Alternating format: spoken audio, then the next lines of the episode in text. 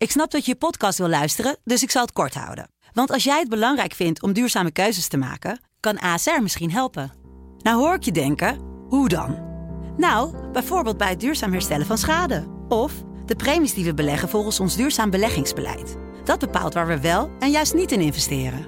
Wil je meer weten over welke duurzame keuzes ASR maakt? Ga dan naar asr.nl slash duurzame keuzes. ASR doet het. Zo, dan kan je nu lekker naar je podcast luisteren.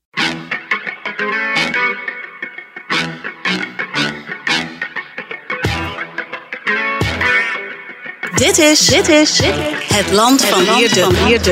Een podcast van de Telegraaf met analyses op het nieuws die u elders niet hoort. Met Wierde en Robert Ophorst. Goedemiddag, ochtend, avond, kan van alles zijn bij u. Ehm, luisteraars, eh, Robert Ophorst die is hier even niet, want dit is een extra podcast. En hier is aanwezig als gast niemand minder dan, applaus nu, Teun Voeten. Teun is antropoloog, fotograaf. Hij is expert op de georganiseerde misdaad. Uh, beroemd is zijn werk over de Mexicaanse kartels. Uh, hij heeft de afgelopen maanden uh, veel gereisd. Hij kan ons alles vertellen over narco-staten waarin, waar Nederland inmiddels ook deel van uitmaakt. Dus we zijn heel blij dat hij helemaal vanuit, het, vanuit Vlaanderen hier naartoe is komen reizen. Voor hem is dat een fluitje van een cent natuurlijk, Teun, want je bent gewend de hele wereld over te reizen. Maar wees welkom en uh, blij dat je hier kunt zijn. Ja, dankjewel. Dank voor de uitnodiging natuurlijk. Ben je nog iets vergeten? Je bent uh, van alles, maar wat ben je eigenlijk in eerste instantie? Ja, ik, ik, ik ben eh, begonnen als uh, cultureel antropoloog. Toen ben ik vanzelf geraakt naar de oorlogsfotografie. 30 jaar oorlog gefotografeerd. En echt overal, hè? Noem ja, een paar landen. Ja, ja Haiti, Rwanda, uh, Joegoslavië, Colombia, Afghanistan, Irak, uh, Gaza-strook, uh, nou ja. Syrië, Libië. Dus, Alle brandhaarden van de wereld. Ja, een beetje toch wel de, de meeste, zal ik maar zeggen. Ja. Ja. Maar je bent ook wetenschapper, je bent notabene gepromoveerd. Ja, ik ben, op een gegeven moment kwam ik in, in Mexico terecht, in de stad Ciudad Juarez in 2009. En dat was toen op dat moment de gevaarlijkste stad ter wereld. En ehm, ik heb toen dat drugsconflict gefotografeerd, maar ik was helemaal verbijsterd van het geweld daar. Toen ben ik een paar keer teruggekomen en... Um, 15 keer. Als ik iets interessant vind, dan, dan blijf ik terugkomen. En, en daar heb ik een fotoboek van gemaakt. En toen, fotografie is een heel, heel, heel krachtig medium. Maar je mist een dimensie in de context. En toen ben ik dus als, als wetenschapper, als, als antropoloog, heb ik een PhD-studie gemaakt over de aard van het conflict in, in Mexico.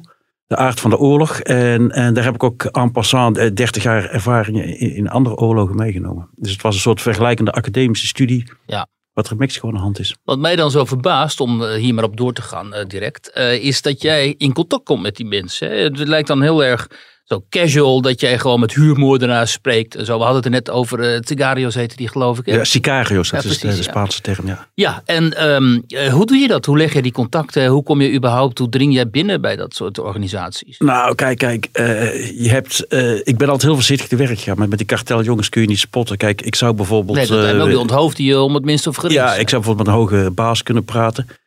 En die zou heel vriendelijk zijn. Die zou dan een leuke Hollander vinden. Maar dat zou bijvoorbeeld zijn, zijn subcommandanten kunnen zeggen van... Uh, chef, die, die, die vent is spion, wat ik je brom. Ja. Je wordt neergeknald en verdwijnt in, in de vat zuur. En Ja. that's the end. Dus daar ben ik altijd een beetje voorzichtig mee geweest. Maar bijvoorbeeld die huurmoordenaars... ehm, die heb ik toen gevonden in de, de gevangenis van uh, Juarez. En daar heb ik ze...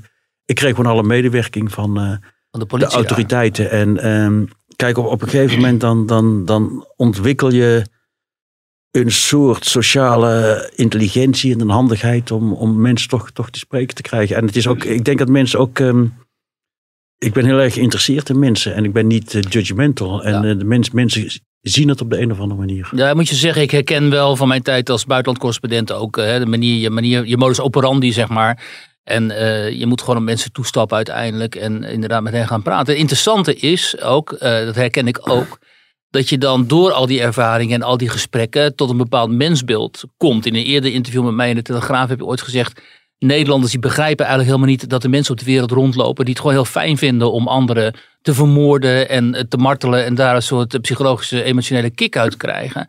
Ehm, eh, dat vind ik heel interessant, want dat is, dat is ook mijn mening vaak, dat, je, dat Nederland veel te naïef staat ten opzichte van dat, dat keiharde geweld wat jij dan eh, destijds in Mexico hebt ervaren. Is het zo, hebben die eh, gesprekken en die ervaringen jouw mensbeeld eh, misschien wat harder gemaakt of negatiever? Nou, kijk, ik, ik heb filosofie gestudeerd als bijvak. En mijn favoriete filosoof was altijd Schopenhauer. Dus uh, kijk, alles wat ik later heb gezien heeft alleen mijn wereldbeeld bevestigd. Dus het is niet zo dat ik pessimister ben geworden over de mensheid. Misschien zelfs iets optimister. Omdat ik juist ook ontzettend veel dappere, mooie mensen tegenkom. Die ondanks alle shit waarin ze zitten, toch, toch in staat blijken tot heroïsche daden, tot, tot verzet, tot, tot, tot van, van moeders tot, tot soldaten, tot, tot, tot allerlei soorten slag mensen. Maar um, nee, ik, ik heb nooit zo'n hoge pet van de mensheid op gehad. En natuurlijk hebben we hier in Nederland hebben we natuurlijk het, het, evangelie van uh, Brechtman, alle mensen deugen. En uh, nou Mensen ik... die zich tot moordenaar ontwikkelen, bij hen is het te wijten aan een sociaal-economische achterstand of deprivatie van ja, het zijn een beetje simplistische theorieën. Kijk, kijk de, de, meeste mensen zijn inderdaad redelijk oké, maar er is gewoon toch wel een aanzienlijke hoeveelheid die niet oké zijn. En ik heb in mijn studie, ik heb ook onderzocht, het is altijd een vraag weet je, die me ontzettend gefascineerd heeft. Waarom gaan mensen, andere, hoe kunnen mensen andere mensen doden? Dat is één stap hoe, worden het moordenaars nog een stap verder? En hoe worden het vredemoordenaars die, die op een gegeven moment ook de meest extreme vreedheden uithalen. Wat, wat dan soms heet onmenselijk, barbaars, beestachtig gedrag. En ik heb juist in mijn thesis de, de, de, rationaliteit achter dat gedrag proberen te, verklaren. En dat, uh, ik heb ten eerste onderzocht hoe je mensen kunt transformeren in, in, in mensen die andere mensen doden. En dat kan van normale soldaten gaan, die, die moeten ook leren om mensen te doden. Tot jihadis en uh, West-Afrikaanse kindsoldaten en sicario's. En jihadis, die heb ik allemaal uh, een soort cross-culturele vergelijking gemaakt. En daarna heb ik gekeken van, um, kijk, het is niet zo dat je van de een op de andere dag een moordenaar wordt. Het zijn allemaal hele kleine stapjes. Uh -huh. Is sliding down the scale, een beetje dit, een beetje dat, nog ietsje weer verder. En op een gegeven moment dan ontstaat er een soort gewenning. Dus het is in feite een, een heel logisch pad wat, wat iedereen zou kunnen volgen als hij in dat soort omstandigheden terechtkomt. Maar dan ga je nog eens een keer de grens over, die je ook schetst. En dan kom je in uh, de sfeer van dat je een hoofd afsnijdt en het op de stoep legt voor een shisha lounge in uh, Amsterdam. Hè, of dat je uh, martelcabines inricht waar je mensen kunt folteren. Uh, dan ga je nog meer grenzen over natuurlijk. Hè. We hadden eigenlijk verwacht met ons naïeve Nederlandse wereldbeeld dat dat in Nederland uh, was nou ja, verdwenen eigenlijk. Hè. Als we de dus de, de, zeg maar de filosofie van Elias, uh, die ken je natuurlijk ook nog met Elias volgen. Dan zou de beschavingsfile. Ja, ja, de ja. beschavingsoffensieve landen worden steeds beschaafder. En dan verdwijnen ook dit soort excessen. Maar wij zijn dus teruggevallen eigenlijk door nou, die maffia. Het is niet zo dat wij zijn teruggevallen, want ik ben niet teruggevallen en jij geloof ik ook niet. Maar er zijn natuurlijk bepaalde kringen. En, en kijk, een, een cultuur is, is niet homogeen. Je, je hebt verschillende soorten mensen. Van, van de, de meeste primitieve, ongeletterde boeren tot, tot vrede criminelen, tot, tot hele gesofisticeerde mensen en ook een hele hoop mensen die het gewoon goed menen. Dus um, er is nu een, inderdaad een, een, een subcultuur van hele zware, smerige misdadigers en, en die nergens voor terugdeinzen. En, en nogmaals, het is al heel belangrijk dat geweld is niet barbaars, dat geweld is een communicatiestrategie om gewoon duidelijk laten merken van wij zijn de baas en gewoon intimidation into submission. Dat, het heeft een functie. Ja, heeft een functie, dus je moet het nooit afdoen als irrationeel. En, en, daarmee sluit je in feite de deur naar research. Je zegt, oh, dat is irrationeel en wij zijn ze niet. Precies. Dit zijn mensen die op een andere planeet leven. Dat even daarop doorgaan, Teun. Want je hebt waarschijnlijk gezien in Mexico, althans dat vraag ik dan aan jou, dat die uh, submission, uh, is, die daar, uh, is dat een reëel bestaand fenomeen inmiddels door de intimidatie van die kartels? Of uh, leven mensen toch nog wel een soort leven in, in vrijheid ook, of relatieve vrijheid? Uh, nou, kijk, dat, dat, dat, dat uh, om het genuanceerd uit te leggen, nuance is mijn middel, nee, maar dat geweld heeft verschillende soorten publiek. Het heeft verschillende boodschappen voor verschillende publieken. Eén en dezelfde vrede daad. Dat is ten eerste inderdaad de autoriteiten. Dat is inderdaad intimidatie van don't fuck with us. Want, want, want we, we, we ambushen je allemaal. -huh. Er zijn ooit legerconvooien met twintig man tegelijk geambushed. Die worden dan onthoofd teruggevonden. Uh, het heeft ook een recruterende functie. Als je bijvoorbeeld twee kartels hebt. En de ene kartel zijn een beetje softe, hippie, hasje, blowende, uh, halve garen. En je hebt één kartel, dat zijn echt vrede moordenaars. Op dit moment is dat het kartel Jalisco Nuevo Generación. Um, ja, als je bij een kartel wilt, dan ga je natuurlijk bij de kartel van de winnaars zitten. Dus het is ook een, een recruterende functie. En uh, het heeft ook een functie om de in, innerlijke cohesie te, te, te, versterken. Want als je eenmaal deel uitmaakt van zijn groep en je, je bent ook medeplichtig aan de meest verschrikkelijke moorden, dan, dan ja, het, is een soort geheime samensweringsverbond onder elkaar. Dus het heeft verschillende doeleinden. Hoe heb jij met deze kennis en jouw analyses ehm, over de situatie daar de afgelopen jaren naar die in eh, Nederland eh? Jij doet ook onderzoek hè, voor de stad Antwerpen. Ja, ik, ik heb toen eh, twee jaar lang en, eh, voor de stad Antwerpen heb ik volledig de vrije hand gehad. Een heerlijk onderzoek. Eh, vraagstellingen van hoe zit de georganiseerde criminaliteit in elkaar? Wat zijn de hogere lagere middenkaders? Wat zijn hun motivaties? En wat is de, de, de historie en wat is de context met Nederland? En ik heb daar als antropoloog ook met allerlei soorten mensen gesproken. Met heel veel gevangenen in de, in de dealers in de gevangenis van Antwerpen. Met heel veel gebruikers, van mensen die af en toe wietje roken tot de meeste trieste GHB-verslaafden en, en cocaïne-verslaafden. En, en mensen die eh, in, in, de chemsex homowereld in, aan, aan de crystal meth zat. Dus echt bijna iedereen. Ehm, en ehm, ik heb de hele historie onderzocht eh, van, de, van de drugsgerelateerde criminaliteit in Antwerpen. En daar kwam ik natuurlijk heel snel uit bij Nederland. En eh, Want die link naar Nederland is, oh, hè, die is heel duidelijk. Ja, aanwezig, kijk, want er wordt in Antwerpen wordt heel veel cocaïne eh, ontdekt. Wat niet wordt ontdekt, het is een onbekende hoeveelheid. Maar ehm, wat, wat je krijgt is, is dat eh meeste drugssyndicaten in Nederland... Die, die gebruiken Antwerpen als port of entry. Omdat Ja. het daar gewoon door de geografische structuur van de haven iets makkelijker is. De kans om ontdekt te worden is iets, iets kleiner. Dus Dan in Rotterdam moet je ja, zeggen. ja, en dan heb je dus in, in een soort middenkader ontstaan. Uithalers, eh, dat zijn eh, traditioneel, er zitten toch wel veel Marokkaanse groepen zijn erin vertegenwoordigd.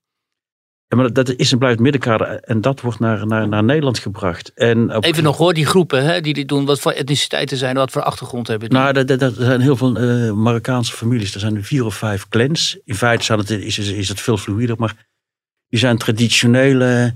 En eh, dat, dat kan misschien racistisch klinken, maar het heeft ook een historisch eh, eh, cannabis. Dat is eh, natuurlijk een exportproductie eh, Uit Noord-Afrika. in Noord-Afrika.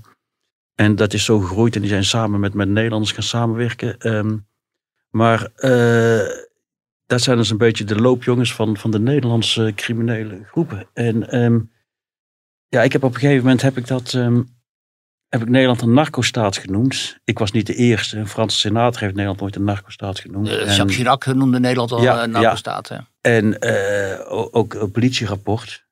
Maar ik, ik ben er even over gaan nadenken. Toen heb ik die dingen op een rijtje gehad van wat maakt een narcostaat tot een narcostaat. En ehm, eh, een hoop mensen denken dus dat een narcostaat een, een volledig dysfunctionele, door geweld geteisterde failed state is. Maar wat voor mij, volgens mij essentieel is, en met mij eh, heel veel wetenschappers die het met me eens zijn, is dat er enorme narco-parallele narco-economie is. En een vervlechting met de legale economie en een enorme straffeloosheid.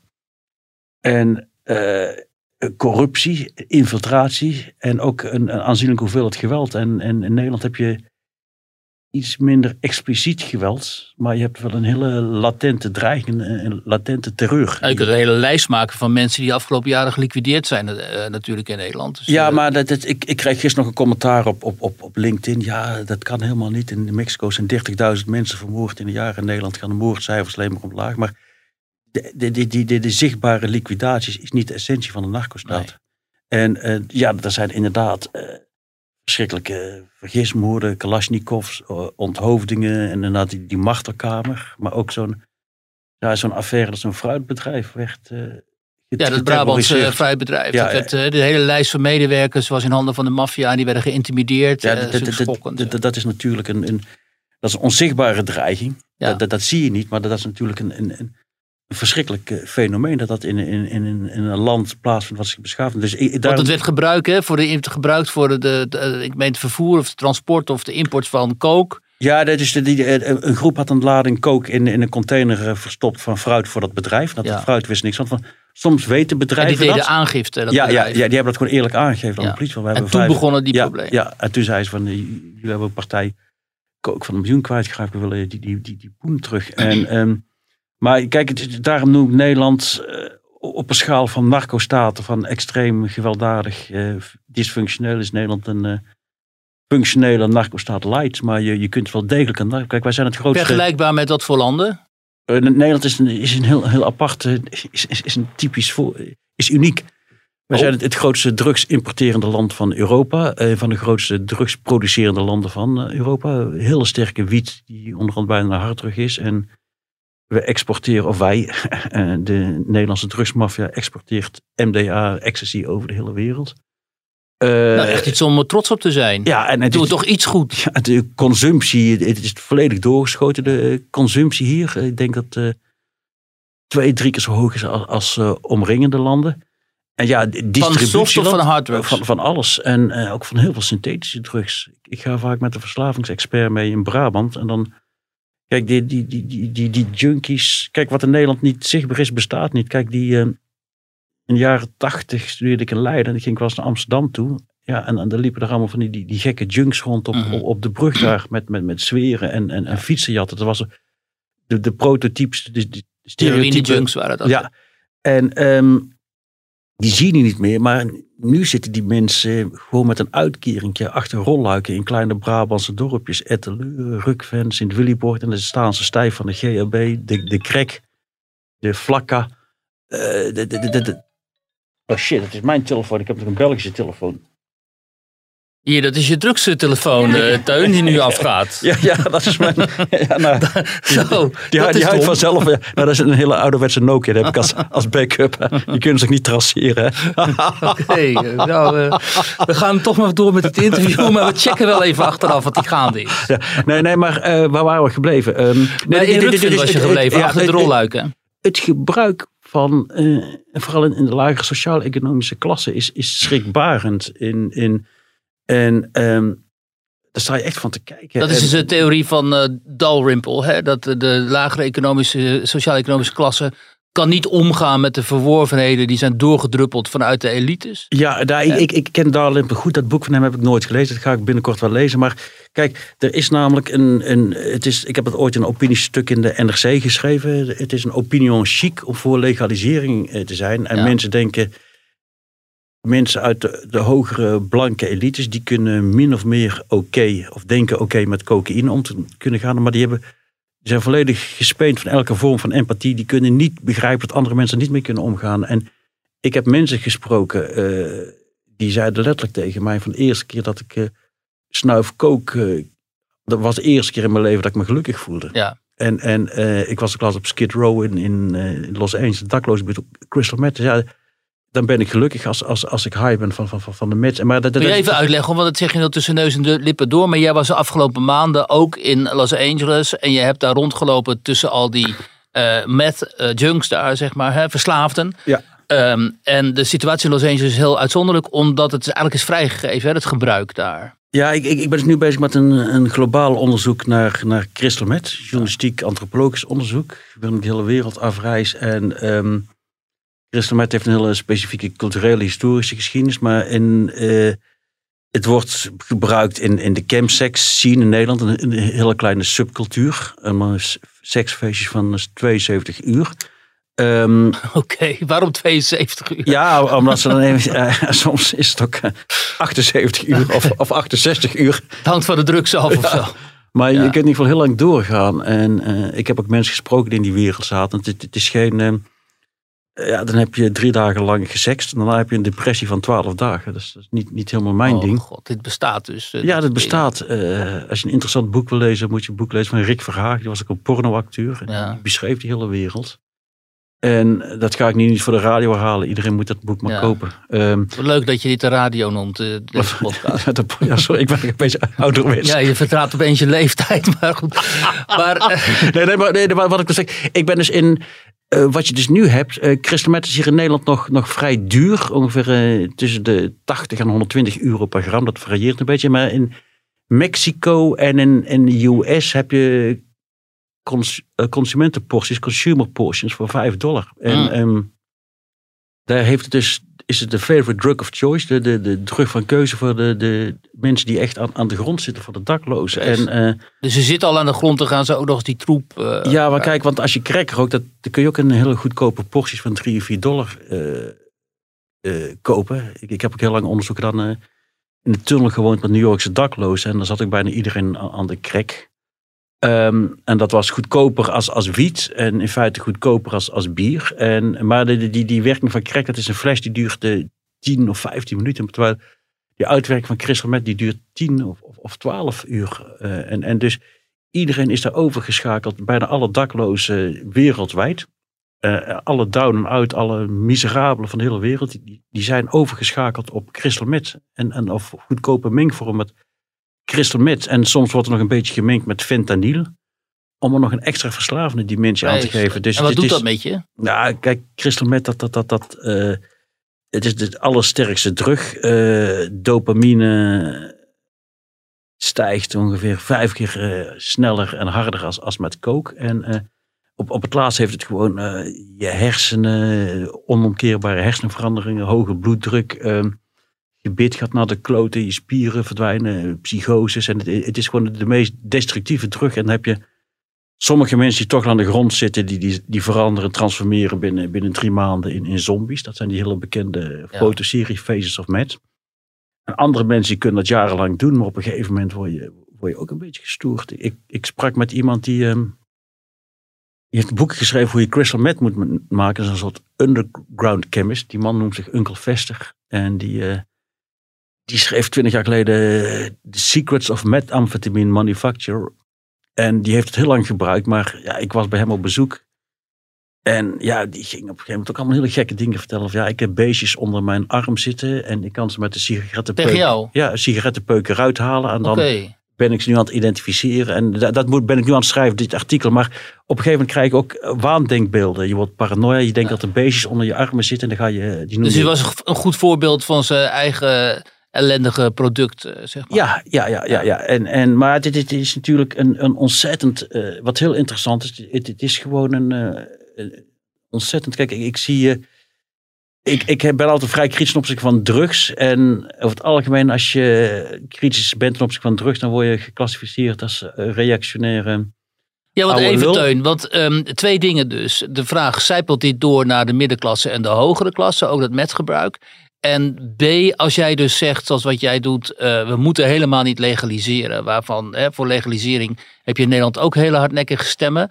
Ehm, wat is jouw antwoord daarop? Dus eerst even die vraag van, zie jij dit, eh, de- de- deze drug doorcijpelen nu naar eh, een bredere acceptatie? Eh, En nou, breder die, die, gebruik. die, het wordt langzamerhand meer gebruikt, maar over het algemeen is, is de Nederlandse drugsconsument redelijk goed op de hoogte van de gevaren van crystal meth. En ik, ik sprak een Tilburgse speeddealer, en eh, gewoon eh, gewone amfetamine, en die zei van, ik ga geen crystal meth dealen, dat is de drug van de duivel. En eh, ik, ik heb ook nog mijn principes, dus zelfs Zo, oké. sommige drugdealers hebben principes. En het is ook zo dat... Wat nobel. ja, ja, wat heel, heel zal ik zeggen, de nobele drugdealer. Brabanders onder elkaar. Hè? Dus, maar ehm, eh, je ziet dat er hier ook een steeds grotere onderklasse staat. En ehm, kijk, Nederland die, die, die, die denkt dat Nederland eh, een beetje verheven staat boven de natuurwetten. Van het zal bij ons niet gebeuren. Maar hier kan ook een enorme onderklasse ontstaan. En als die eenmaal crystal meth heeft ontdekt, dan, dan zijn de, de rapen gaar. En eh, En denk je dat eventueel legaliseren van bijvoorbeeld eh de druggebruik, cocaïnegebruik en zo, dat dat tot gevolg zal hebben dat ook dat crystal meth dan eh, op een veel grotere eh, schaal zal worden Nou, gebruikt? die, maar kijk, ten eerste is, is cocaïne een... eh, mensen die cocaïne gebruiken zijn over het algemeen ontzettend irritante mensen. Ja, mensen onder, onder indruk van invloed van koken zijn mensen met een ontzettend grote bek, ontzettend opgeblazen ego en die zichzelf... eh, dus het, het, het werkt een ontzettend egocentrisch, eh zelfcentered mensentype in de handen. En eh, ik zeg niet dat je mensen kookgebruikers in de gevangenis moet stoppen, maar je moet het zeker niet, stimuleren. En ehm, natuurlijk de zwakkeren, die, die, die raken volledig verslaafd. Ik heb eh, gebruikers gesproken van een Antwerpenboek. En eh, ja, die zaten op een gegeven moment 10 gram koken te bezen. Ja. En de hele dag alleen maar. eh, en, en, en dus, maar Want jij zegt eigenlijk die zwakkeren die zijn ongelukkig, vaak ziekig natuurlijk, depressies, geen vooruitzichten en door het gebruik van die drugs ga je gelukkiger voelen en ze willen telkens weer opnieuw die kick van het gelukkig je, voelen. hebt, je, je hebt niks, niks, niks te verliezen. Kijk, ik heb zelf ook wel, ik ben natuurlijk een nieuwsgierig iemand. Ik heb eh, ook van alles ge- geprobeerd. En ja, het was allemaal wel interessant en lekker, maar echt zoiets van, why the fuck zou, ik die rotzooi gaan gebruiken? Ik heb zoveel andere interessante dingen in mijn leven. Du- du- du- Dus, eh, en als je goed in je vel zit, dan, dan heb je volgens mij ook geen drugs nodig. Maar het zijn juist de, de, de, de, de sociaal, de emotioneel, eh, economisch zwakker Mhm. die, die inderdaad ten prooi vallen aan drugs, dus die gooi je in feite voor de bus. eh, omdat een kleine, hoger opgeleide, blanke elite hun pleziertjes wil hebben. Dus ik vind het in feite ontzettend egoïstisch. En eh, En die voorstanders daarvan, die kunnen behoorlijk eh, agressief zijn ook. in ja, ik, ik, om- omdat ik, kijk, als je een beetje tegen druk bent, word je dus, wat ik net zei, vaak eh, geclassificeerd als, als, als een reactionaire oude lullen. Maar ik probeer dus, als het ware, een soort progressief anti-narcotica-discours eh, te, te definiëren. Om het heel ja, te formuleren. Hoe kan dat eruit te zien? formuleren. Ja, ik, ik zie drugs eh, ook, ook als een soort smeermiddel van een kapitalistisch systeem. En eh, Hier komt de linkse jongen opeens naar boven. ik, ik ben altijd al. Kijk, kijk Wiert, ik, ik, ik fotografeer en ik beschrijf al 30 jaar verschoppelingen. Hè? Ik werk ook elke woensdag in, in een centrum voor daklozen in Antwerpen. Dat vind ik gewoon interessant en leuk. Dus, eh, je leefde in die tunnel, heb je niet, niet gezegd daarnet, maar je leefde echt in die tunnels Ja, onder Manhattan, hè? ja, met, die, ik- met die ik- verschoppelingen. ja, daar. ik heb, dus ik sta toch altijd wel een beetje aan de kant van de verschoppelingen. En, Ja. En, eh, dus ik, ik weet zelf niet of ik links, links of rechts ben. Nou, voor de luisteraars dan. Hè, Teun die doet echt aan participerende journalistiek. Je trekt dan echt met die mensen op. Je leeft zoals zij. Je fotografeert hen in die. En daarom kom je ook zo dicht op die mensen. Ja, ja, als- je gewoon als- vertrouweling wordt. Ja, als antropoloog is het heel belangrijk. Dat heet Ja. de, de participerende Precies. observatie. Heet het. Dus je moet zo dicht mogelijk bij, bij je mensen komen te staan. Ehm, ma- maar d- ja, de drugs zijn gewoon een, een- een soort smeermiddel van het kapitalisme. Kijk, eh, iedereen kent natuurlijk het, hoop ik, boek Brave New World van, van Huxley. Waarin eh, iedereen ook, ook, ook in het weekend die, die drugs zomaar krijgt. Om Mhm. gewoon de, de, de, de wekelijkse sleur te vergeten. En hier We zijn er al bijna in terechtgekomen trouwens. Hè, in die Brave Ja, New ja, World. ja, ja. een paar zetjes. En, eh, Ja, ja, en, en, en, en een beetje krui. En ook 1984 met de permanente oorlog tegen een, een hele fluïde vijand. ja. En die vijand is dan corona, het klimaat, terrorisme en drugs. Dus Mhm. we, het is echt een continuing war. Maar eh, oorlog zonder einde. Maar eh, dus, dus inderdaad, eh, mensen die, ik geloof dat 40, 50 procent van de mensen, die is niet happy met de baan die ze doen. In Nederlands, bullshit jobs. Er heeft ooit een heel interessant artikel Ja. gestaan in de New Yorker, de bullshit job economy, Ja. als je dat googelt.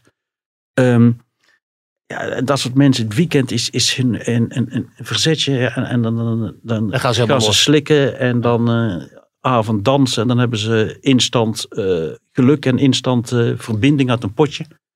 En zondag zijn ze uitgeput. En het, het, het is een perfect manier om een bevolking rond te houden. En nu wil ik niet zeggen dat het Rutte-regime de duivels eh, mechanisme heeft bedacht om, om, om, om, om, om ecstasy aan de man te brengen. Maar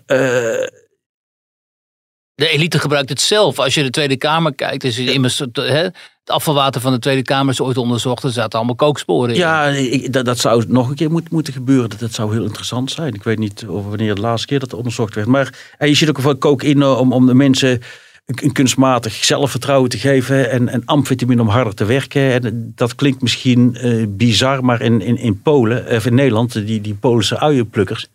Ja, die, die, die gebruiken amfetamine en soms zelfs metamfetamine Ja. om harder te werken. En je ziet het ook in, in, in Mexico hoort het ook van, van gastarbeiders uit Huaca. Dus uit de zuidelijke arme staten met veel indianen. Die komen in de, in de fruitteelt werken. En die, die gebruiken ook drugs om harder te werken. Dus het is ook een soort pepmiddel om de arbeider harder te laten werken. Dat je op een gegeven moment gewoon uitgeput is. En dan, eh, dus ik, ik Maar- zie drugs. Je moet, ik, Maar verbieden, eh, verbieden heeft allemaal dramatische gevolgen. Namelijk dat er een hele illegale en criminele wereld is ontstaan. En met Ja, nee, keiharde georganiseerde ik- ik- misdaad. daar, daar ben ik mee eens. Eh, maar eh, legaliseren. eh, Kijk, ik, ik ben net in mijn laatste reis. Ik was eerst in Detroit. Toen waar Michigan, waar Mhm. marihuana legaal is en ontzettend agressief wordt geadverteerd door de marihuana-industrie. Waar trouwens ook heel bizar is. Als je daar marihuana koopt, weet je niet wat de THC-gehalte is. Terwijl als je een blikje bier koopt, weet je of het ja. 4 of 6 of 9 procent is. Eh hetzelfde met wijn. Eh, maar eh, ja, in, in, in, in, Detroit, ik ben langs Seven Mile Road gereden, op en neer. En dat is staat bekend als de gevaarlijkste straat van de hele wereld. Dat, dat viel, viel al mee, vond ik. Maar ehm, eh, ja, iedereen gebruikt ook nog steeds crack en crystal meth. En ik ben upstate geweest en daar is crystal meth... wordt veel gebruikt in, in de lagere sociaal-economische blanke onderklasse. Wat, Mhm. wat dan Talkies of White, White Trash trash. is. En ik heb ook maar een paar jongens in de gevangenis gesproken, in, in de county jail. En, en ja, daar was, is marihuana ook gelegaliseerd, maar het gebruik van, van andere drugs gaat net zo hard door. En wat, wat je krijgt, dus een vriendin van mij in Los Angeles, die is nu bezig eh marihuana sigaretten legaal te packagen in een, nou, in, in een heel, heel leuk eh, pakje. En er zitten dan eh tien of tien of, of nee, vijftien geloof ik reefers in, dus jointjes. En ja, zo'n pakje kost dan eh, in, in de winkel 50 dollar. De helft is eh, winst voor de, voor de winkel en de- nog 20% tax. Maar wie gaat dat kopen? Terwijl als je, eh, als, als je wiet op de zwarte markt koopt, is, is, is- kost, dat, kost zo'n pakje 5 dollar. En is, is nog sterker ook. Dus Dat is de- ook om het signaal dat je afgeeft. Hè? Zo van, kijk, dit, dit- deze wiet is gewoon vrij ver- verkrijgbaar. Dus er is eigenlijk niks eh, slechts mee aan de hand. Terwijl je gewoon van die hoge uh, hartstikke eh, psychotisch Ja, daar da, da, da, daar zijn heel duidelijk verbanden. Die worden nog door zware blowers worden die nog steeds ontkend. En Ja. door de hele legalisatie, legaliseringslobby. Ehm, en kijk, en, eh, wat je in Los Angeles zag, eh, daar zie je ook dat het gebruik van meth en crystal meth en crack is gedecriminaliseerd. En ik vind het goed dat iemand die, die crack en, en, en, en, en meth gebruikt, niet beschouwd wordt als een crimineel, maar eerder als een patiënt met een probleem. Daar ben ik mee eens. Maar wat je dan krijgt. Ik heb heel toevallig heb ik in 2003 had ik ook een reportage gemaakt over Skid Row, dus de dakloze buurt in, in Los Angeles. En daar toen werd er ook nog heel veel gezopen. En, en daar deed er nog iedereen heel discreet zijn, zijn, zijn fles bier in, in een papieren zakje. Dus een soort gêne en van we doen iets verboden. Maar ik was nu op, op Skid Row en de oppervlakte was uitgegroeid van 20 straatblokken tot 60 straatblokken. Iedereen loopt in tenten. Mensen volledig mentally ill gestoord lopen op straat de behoefte te doen. Trekken een broek omlaag. Kruipen krijzend naakt door de straten. En, eh, dat is een heel dystopisch beeld dat je ja, dit, dit, dit, dit- ik heb er ook foto's van gemaakt. Die, ik ben nu het artikel aan aan het, bewer, aan het maken. En, ehm, ja, en iedereen die, die, die, die 70 tot 80 procent die gebruikt crystal meth. En ik heb er ook eh, ja, gewoon in het openbaar. Hè, en, en vroeger ging, ging een, een, een gebruiker. Ik, ik gebruik liever niet het woord junkie. Dat vind ik een beetje denigrerend en ontmenselijk. Maar een, gebruiker of verslaafde die ging vroeger nog een donker steegje. Maar nu, ja, je hebt daar de Needle Exchange. En op Fifth Street. En ja, een hele rare club. eh, met goede bedoelingen. Maar Needle Exchange lijkt net of je daar eh, één vieze spuit, één schone spuit terug. Maar daar kwam mijn vriend Scotty, die ontmoet ik daar. Een, blanke man die eh voor 30 dollar per dag crystal meth gebruikte. En die ging, liet me zien hoe het moest. En die zei, die ging eerst naar de Needle Exchange. Die kreeg daar, hi Scotty, how you doing? And here's your bag. En die kreeg een, een, een bruine paper bag. En er zaten 40 spuiten in. En hij gebruikte dan drie of vier van. En de andere helft verkocht hij voor 1 dollar. Dus dat was zijn verdienmodel. En ja, dan ging je gewoon om de hoek, eh, midden op straat op het trottoir. En andere mensen zitten letterlijk voor de Needle Exchange te spuiten. Dus je, je krijgt gewoon een soort Is dit, normalisering van gebruik. Is dit ons voorland of is dit eh, Nou, toch wel typisch Amerika? eh, In ja. Rusland heb je ook wel dit soort toestanden. Het, het, het is altijd iets, iets, iets extremer. Wij, wij, wij, wij leven natuurlijk in, in Nederland in, een- in, een- in een eh, iets gematigder klimaat. Maar, maar je moet dit soort dingen niet, niet, niet uitsluiten. En, en eh, eh, kijk, je, je ziet hier eh, ook mensen die wonen in tentjes. eh, en, en je ziet dat steeds meer. En, en dat zijn kansloze migranten. Dat, dat- zijn mensen die uit het sociale sy- sy- systeem niet meekomen. Dat zijn eh geestelijk gestoorden. Dat Ja, zijn de allerarmsten. de, de faces of late capitalism, hè, zoals die Facebookpagina's en heten en zo. En dan zie je dus echt dat late. Hè, want in deze, als je dat een beetje de context plaatst. Dit zijn natuurlijk de beelden die je, die je ziet in een fase van het eh, late kapitalisme. Dat eh, ontspoord is voor een groot deel, waarin eh 1% van de bev- wereldbevolking eh, hè, enorme rijkdom in handen heeft. Ja. En eh, een hele grote delen van de Ja, ja, ja, ja, ja, helemaal je niks. hebt natuurlijk een perfide, perfide pervers rijke bovenklasse. En, eh, Die zich ook kan per- permitteren om drugs te gebruiken. Want als ze verslaafd raken, dan kunnen ze naar een detox Ja, eh, kliniek. Daar gaan ze naar, naar chique klinieken, daar betalen ze. Ik heb met verslaafden gesproken. Die zei, we willen, in, in Mexico was het, die zei, we willen wel eh, eh, detox, maar, eh, af, maar dat kost 300 dollar. Dat hebben wij niet. Ja. En eh, Maar kijk, even los van die druggebruikers, eh Teun. Want eh, dat- anekdotisch en zo, we hebben ongeveer een beeld van hoe, hoe dat eruit ziet. Maar eh, in Nederland eh, zijn we bezig met die strijd tegen de georganiseerde misdaad. En heeft onze, de, hè, en dan, de vraag is dan of wij leven in een democratische rechtsstaat, of die wel de middelen heeft om die, deze volstrekt ontspoorde eigenlijk eh, criminaliteit eh, aan te pakken. Ja, Efficiënt het, ook het, is een heel, heel moeilijk probleem, want je hebt twee partijen. De ene partij, eh, letterlijk, om het onwetenschappelijk te zeggen, die veegt zijn reet af met, met elk eh, rule of engagement. Die, die doet wat ze willen. Eh, de, de misdadigers en, en ook terroristen natuurlijk. En dan heb je aan de andere kant een, eh, de rechtsstaat die, die alle regeltjes moeten volgen. En, en natuurlijk wordt het volledig geëxploiteerd. eh, ook door de, de, de advocaten van, van die criminele klasse. Daar heb je niet zo'n hoge pet van op, geloof ik. Hè? nou, je kent ontzettend goede advocaten, maar nee, ik bedoel in moreel opzicht, niet in juridisch opzicht. eh, nou, ik, ik laat me daar niet uit, want ik moet nog met een hoop spreken. Dus, dus, eh, maar laat ik zeggen, ik heb daar am- ambivalente gevoelens over.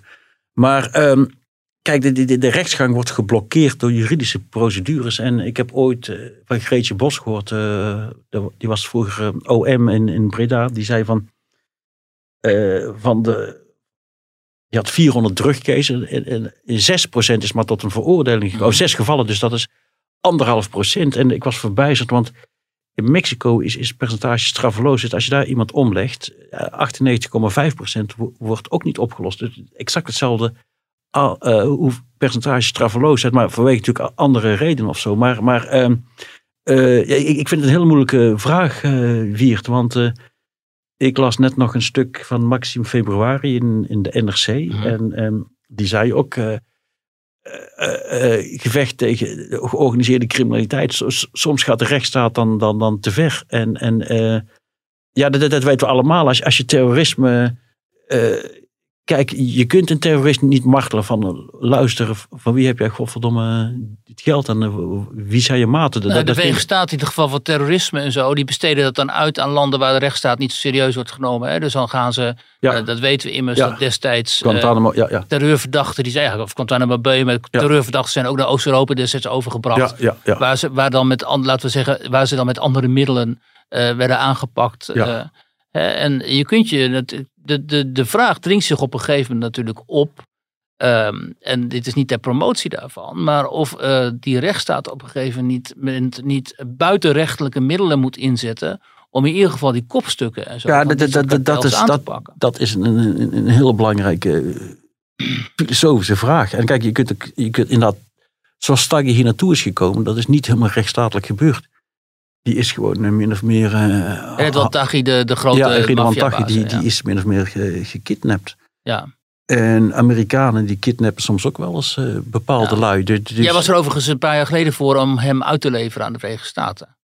Ridwan? Taghi, ja, ja. Daar, ben ik nog, nog om- omdat ze daar, daar zijn ze iets, iets harder met het recht. Maar eh, kijk, wat je nu dus ziet, die, die, die, de moordenaars van Dirk Wiersum, eh, OM heeft levenslang geëist. En ik vind dat een, een heel goed signaal.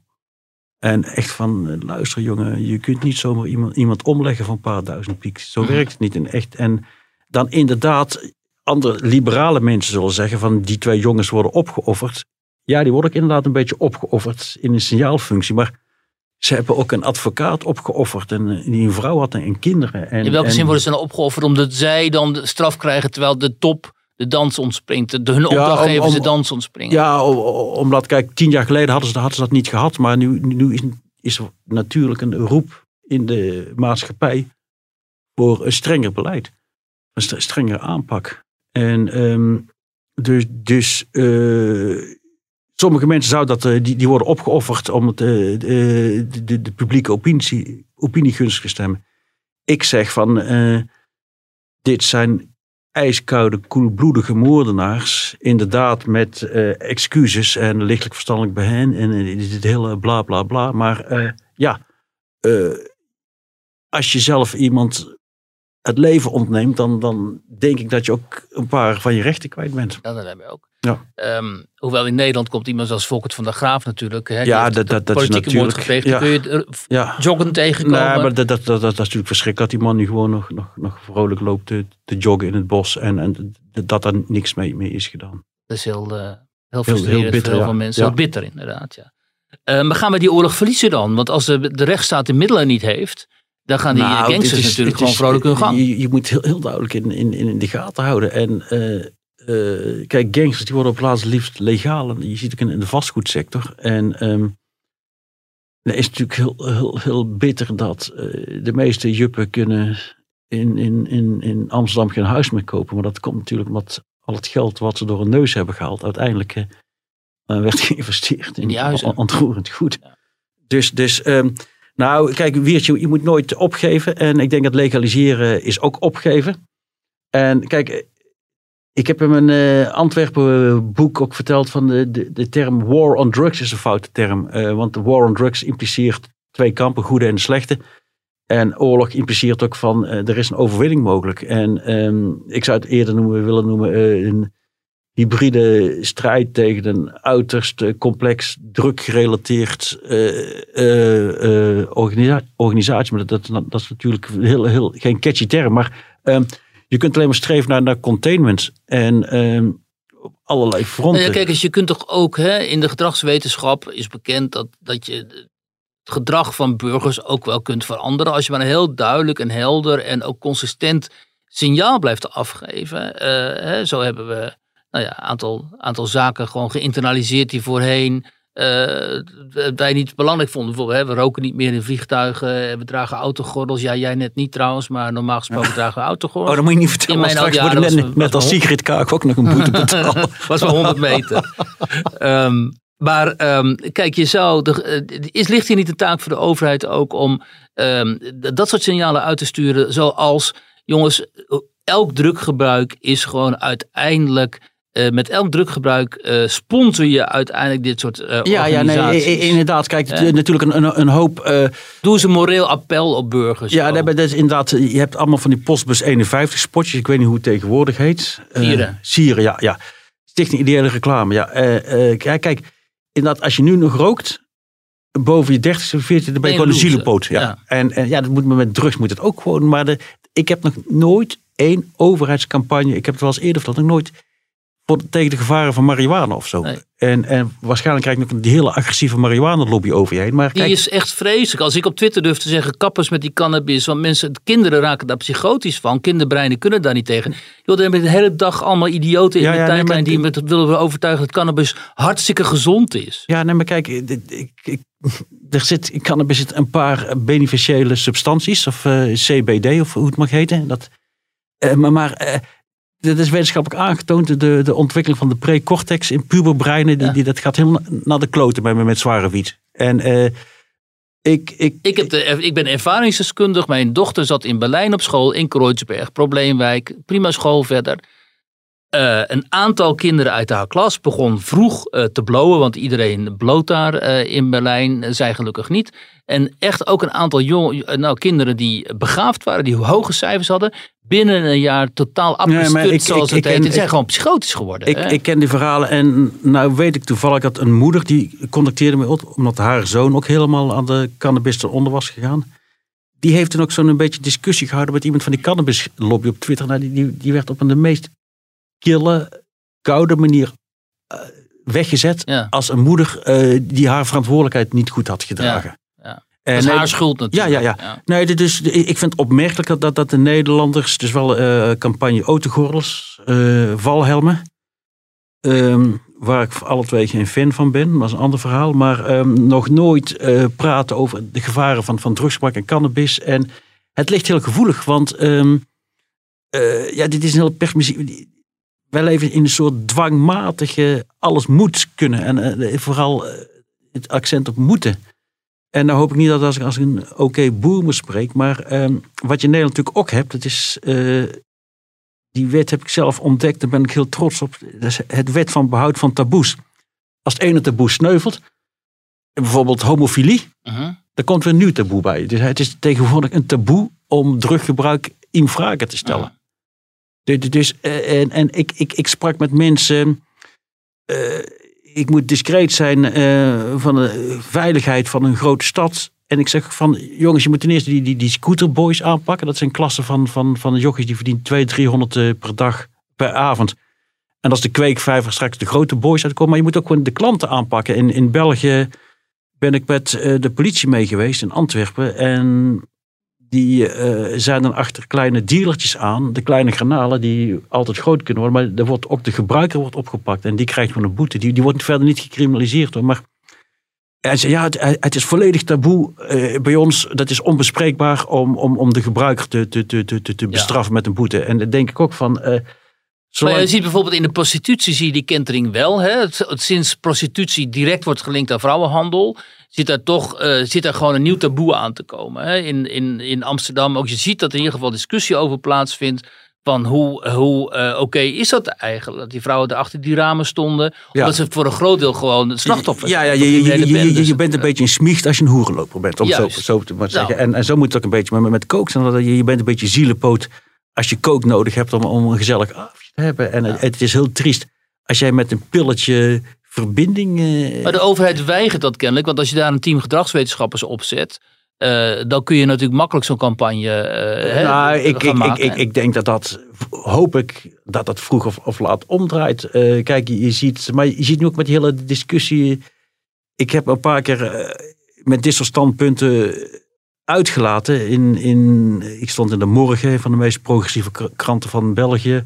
Ik was op, NPO 1, du- du- dus laat ik zeggen, ik ben door de Duitse pers geïnterviewd. En, en dan zie je dat hele hoop mensen het met me eens zijn toch wel een hele grote meerderheid, maar er een, een hele kleine agressieve mi- minderheid is. Maar ik denk dat, dat, dat, dat dit. eh, dat deze discussie vroeg of laat eh, toch, toch in het voordeel omslaat van, van kritiek op, op, op, narcotica. Eh, wat, wat, nogmaals, is heel belangrijk om te beseffen: dit, dit is een progressief discours. Ik zit helemaal niet te zeggen van de drugsgebruikers in de gevangenis In hoeverre is het progressief dan? Omdat je de onderklasse ermee zou ja, helpen. Ja, ja, ja. Het, het, het, het is gewoon een, in feite een super hedonistisch, egoïstisch eh, gedachtegoed van wij, wij- wij, wij kunnen goed tegen kook en wij kunnen onze hypotheek door blijven betalen, dus moet het maar legaal worden en die onderklasse. En ik sprak laatst ook iemand. Wacht eens even, Teun. Want wat jij hier dus zegt is red de onderklasse uit handen van eh, de, de drugsmafia. Daar komt het op neer. Terwijl we in een land leven waarin Jesse Klaver zichzelf een loser noemt omdat hij nog nooit drugs heeft ge- gebruikt. Ja, als iemand zich een loes noemt omdat hij geen drugs heeft gebruikt, dan kun je alleen maar zeggen, dan, dan heb je toch wel last van zware cognitieve beperkingen. Maar als het zover is, hè, dus dat de Ja, leider van een van de meest progressieve, dat- althans dat dat- denken zij. Dat Partij is van- ziek, dat is ziek, eh, dat is ziek. Dat Maar hij zegt dit zonder nadenken. Hè? Hij zegt, Het is een automatische reflex Nee, van nee, zo'n jongen. dit- dit is ziek. Kijk, in mijn- tijd, toen ik een tiener was, en nou klink ik als oké boomer. Ja, eh, af en toe rookte we een stikje en, en je had eh, pintjes. Maar wat de jeugd tegenwoordig heeft, lachgas, 3-MMC, eh flakka. Ik heb nu onderzoek gedaan. eh, elke dag ontdekte ik, ik, ik weer nieuwe drug. Je, je, had 4 MEC, dat werd nu verboden, kreeg je 3-MMC. Je, je, je hebt GHB, je hebt GBL. Je hebt eh, een heel interessant boek, moet je maar eens lezen. Mike Power, eh, Drugs 2.0. Daar wordt het allemaal tot in de treuren beschreven. Die, die hele synthetische. Dus er is een kapitalistische klasse die die drang, die die behoefte van de onderklasse exploiteert. En dat, dat is een soort wat. Dat was een van mijn hoofdstukken in mijn, mijn PhD-thesis. Predatory capitalism, dus roofkapitalisme. En, en, en, en die, die kartels, dat, dat is de ultieme expressie van hyperkapitalisme. Ja, dat is, eh, dat is waarschijnlijk een steekhoudende analyse. En interessant ook omdat heel veel mensen natuurlijk, als laatste dan, eh druggebruik associëren met vrijheid, blijheid. Ja, maar kijk, zo was, zo was het in kijk, ultieme dus vrijheid. Ik, ik kende Robert Jasper Grootveld, was ik goed bevriend mee. Ja.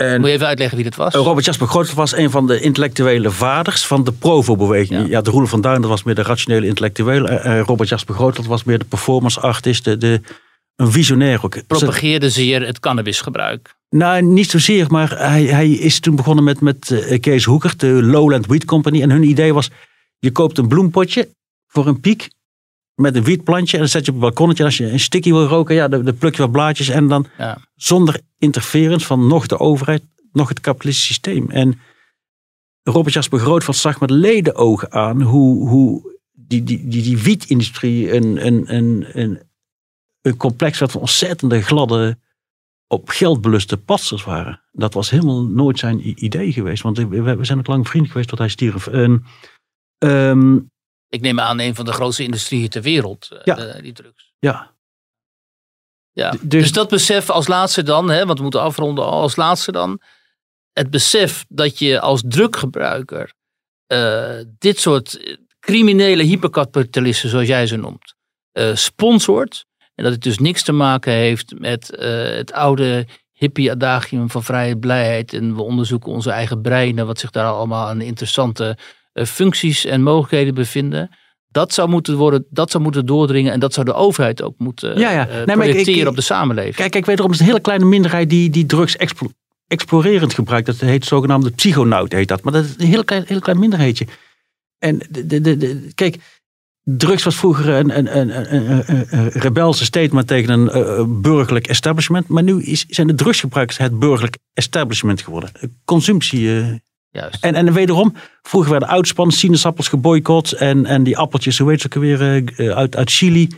En de Shell werd geboycott. Maar je, je hebt nooit zo'n boycott gehad van... Dus, Van de drukkartels. ja, Boycott de drukkartels, daar Ja. wil je mee afsluiten. ja.